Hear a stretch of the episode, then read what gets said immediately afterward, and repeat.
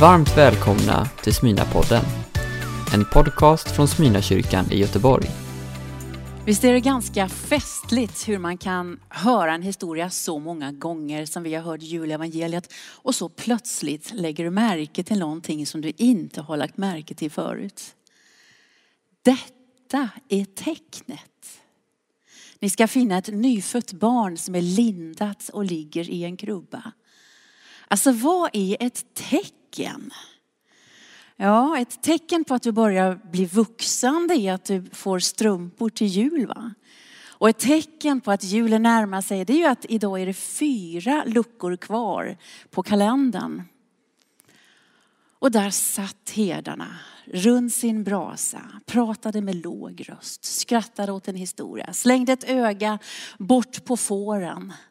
Allt var lugnt. Allt såg ut att bli en helt vanlig natt, som alla andra nätter. Och så händer detta. Det blåser upp. Ett ljus sprider sig på himmelvälvingen och lyser upp den svarta natten. Och det börjar röra sig, får konturer. Och så ser de alltså en ängel.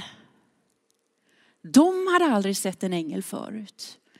Inte har de väntat på det heller, för de är inte särskilt religiösa, utan de är helt vanligt arbetsfolk som gick på schema och i natt var det alltså deras tur att ha nattvakt.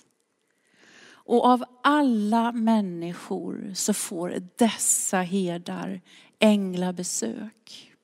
Och ängeln säger någonting om en frälsare, Messias. Ja men det hade de förstås hört talas om. Därför att alla gick och väntade på att Gud skulle sända en frälsare. En kung som kung David. En som kunde göra Israel great again. Och var han här? Nu? Men så är det detta med tecknet.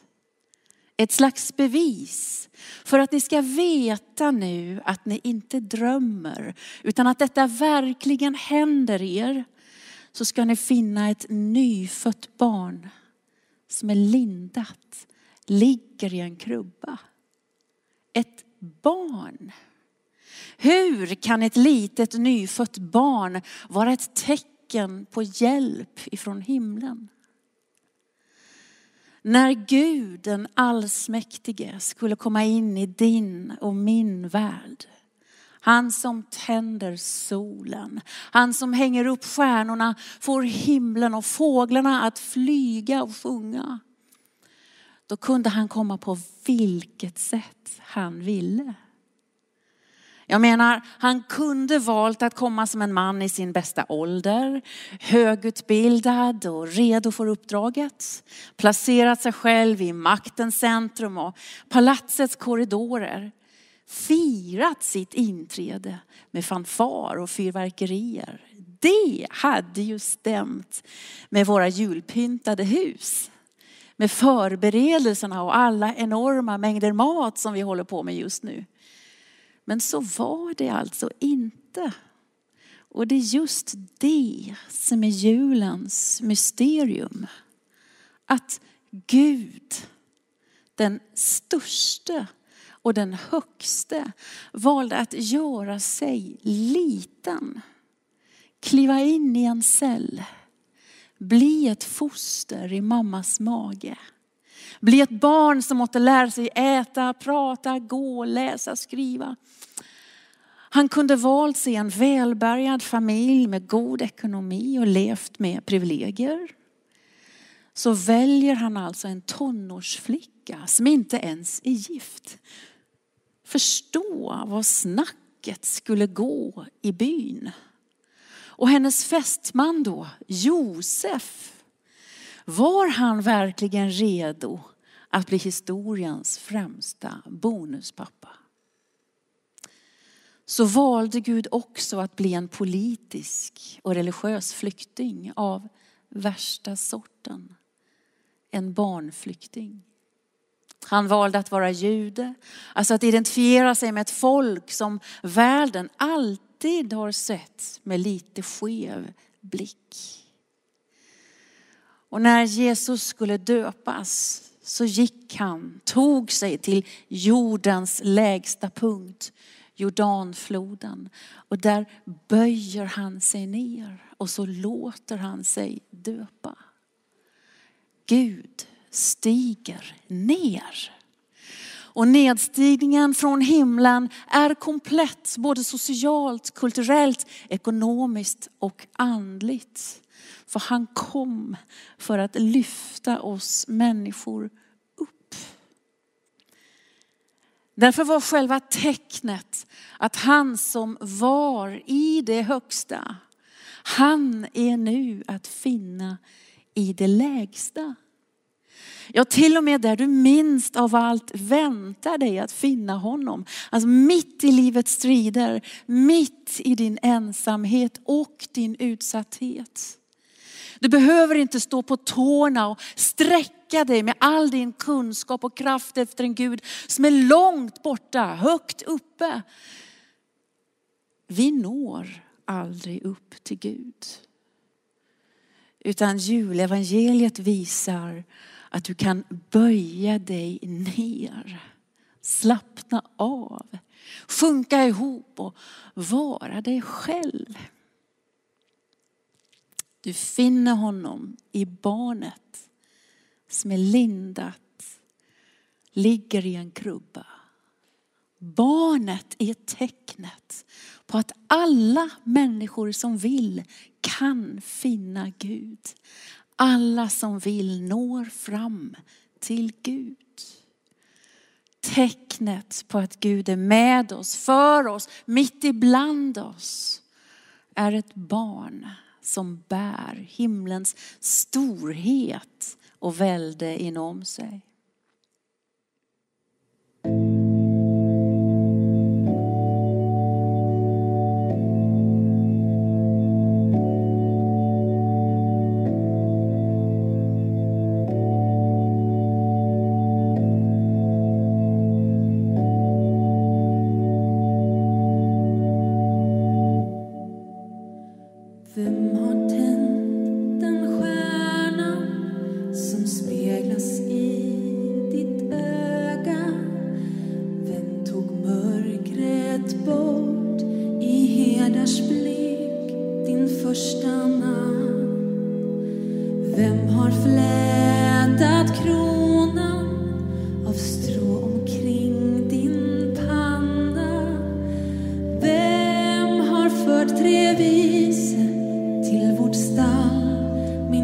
Mycket mer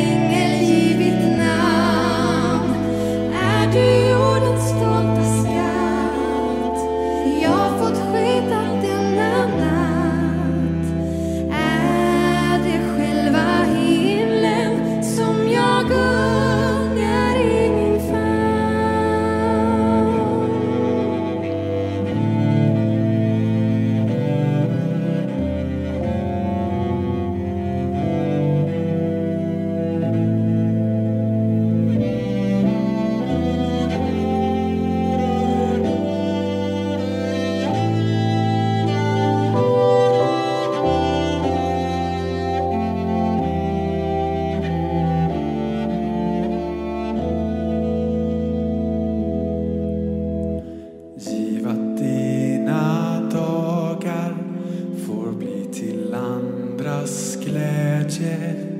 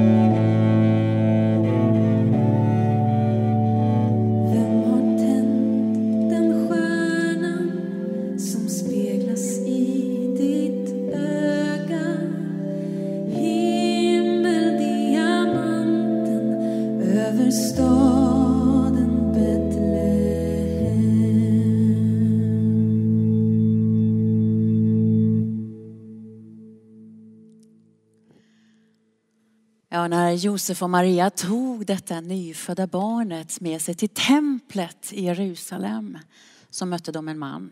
Simeon heter han.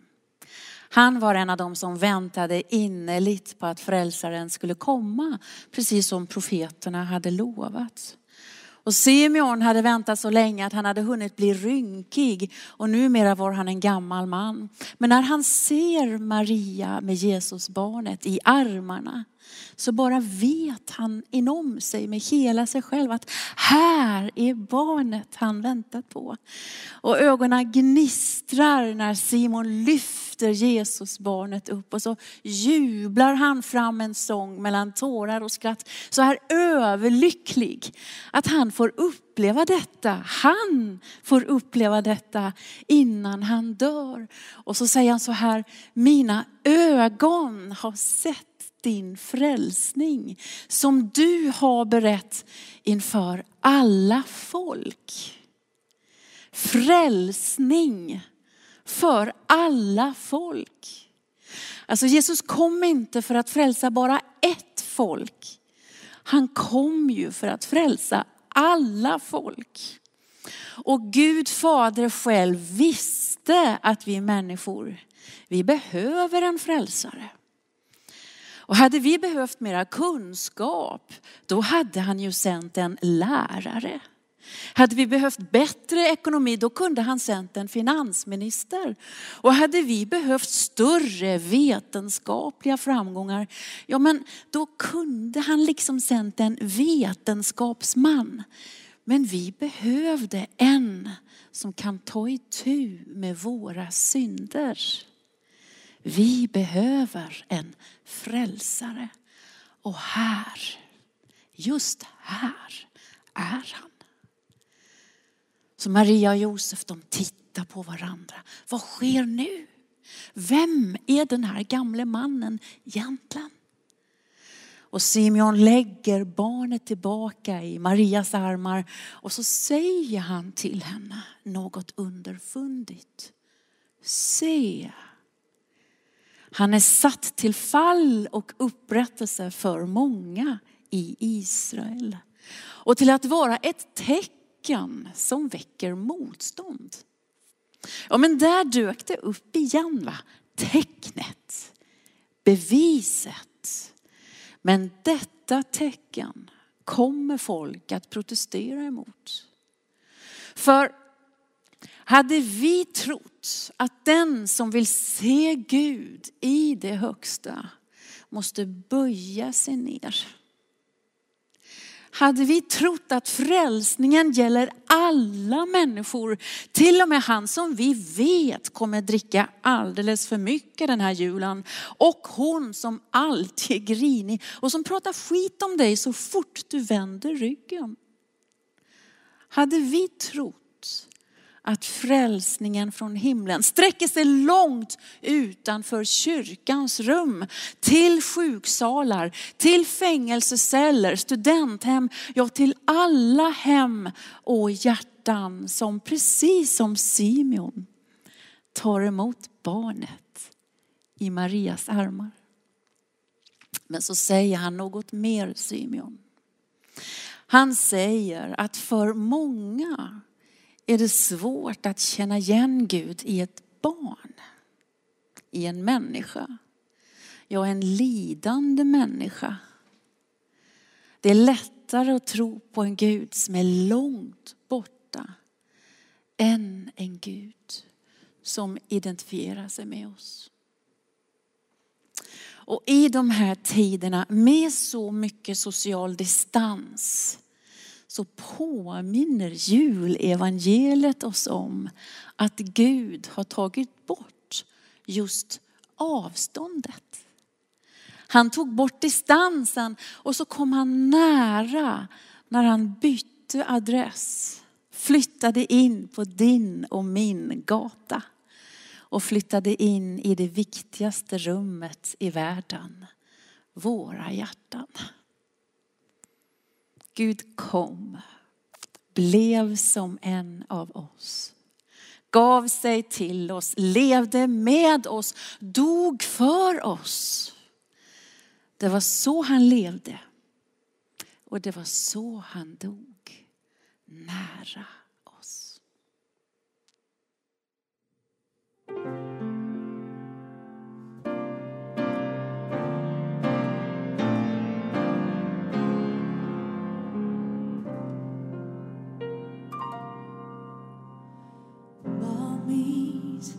die.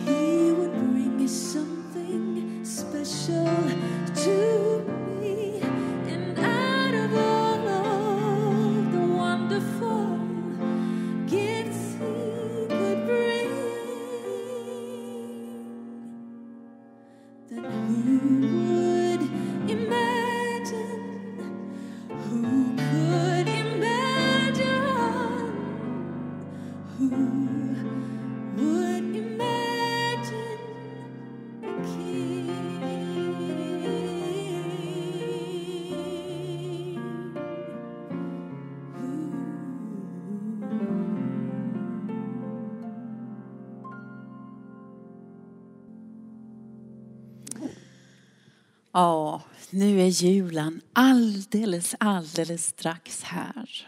Och julen är ju barnens fest. Om jag ska ta fram mina allra käraste julminnen, Då måste jag gå tillbaka till då jag själv var barn faktiskt. Eller också då när våran dotter var liten. Kanske är det så för dig också. Julen ses bäst genom barnens ögon.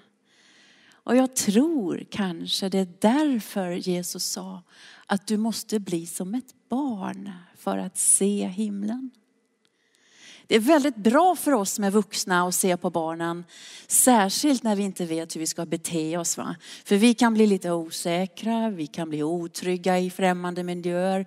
Vi kan inte koderna, vi känner inte kulturen. Du vet, vad ska jag ha på mig? Hur ska jag bete mig? Vad ska jag säga? Vad är rätt? Vad är fel? Då är ju barnen sköna.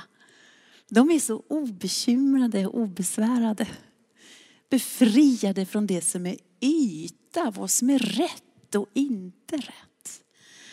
Och herdarna som vi har hört om, de var inte särskilt religiösa.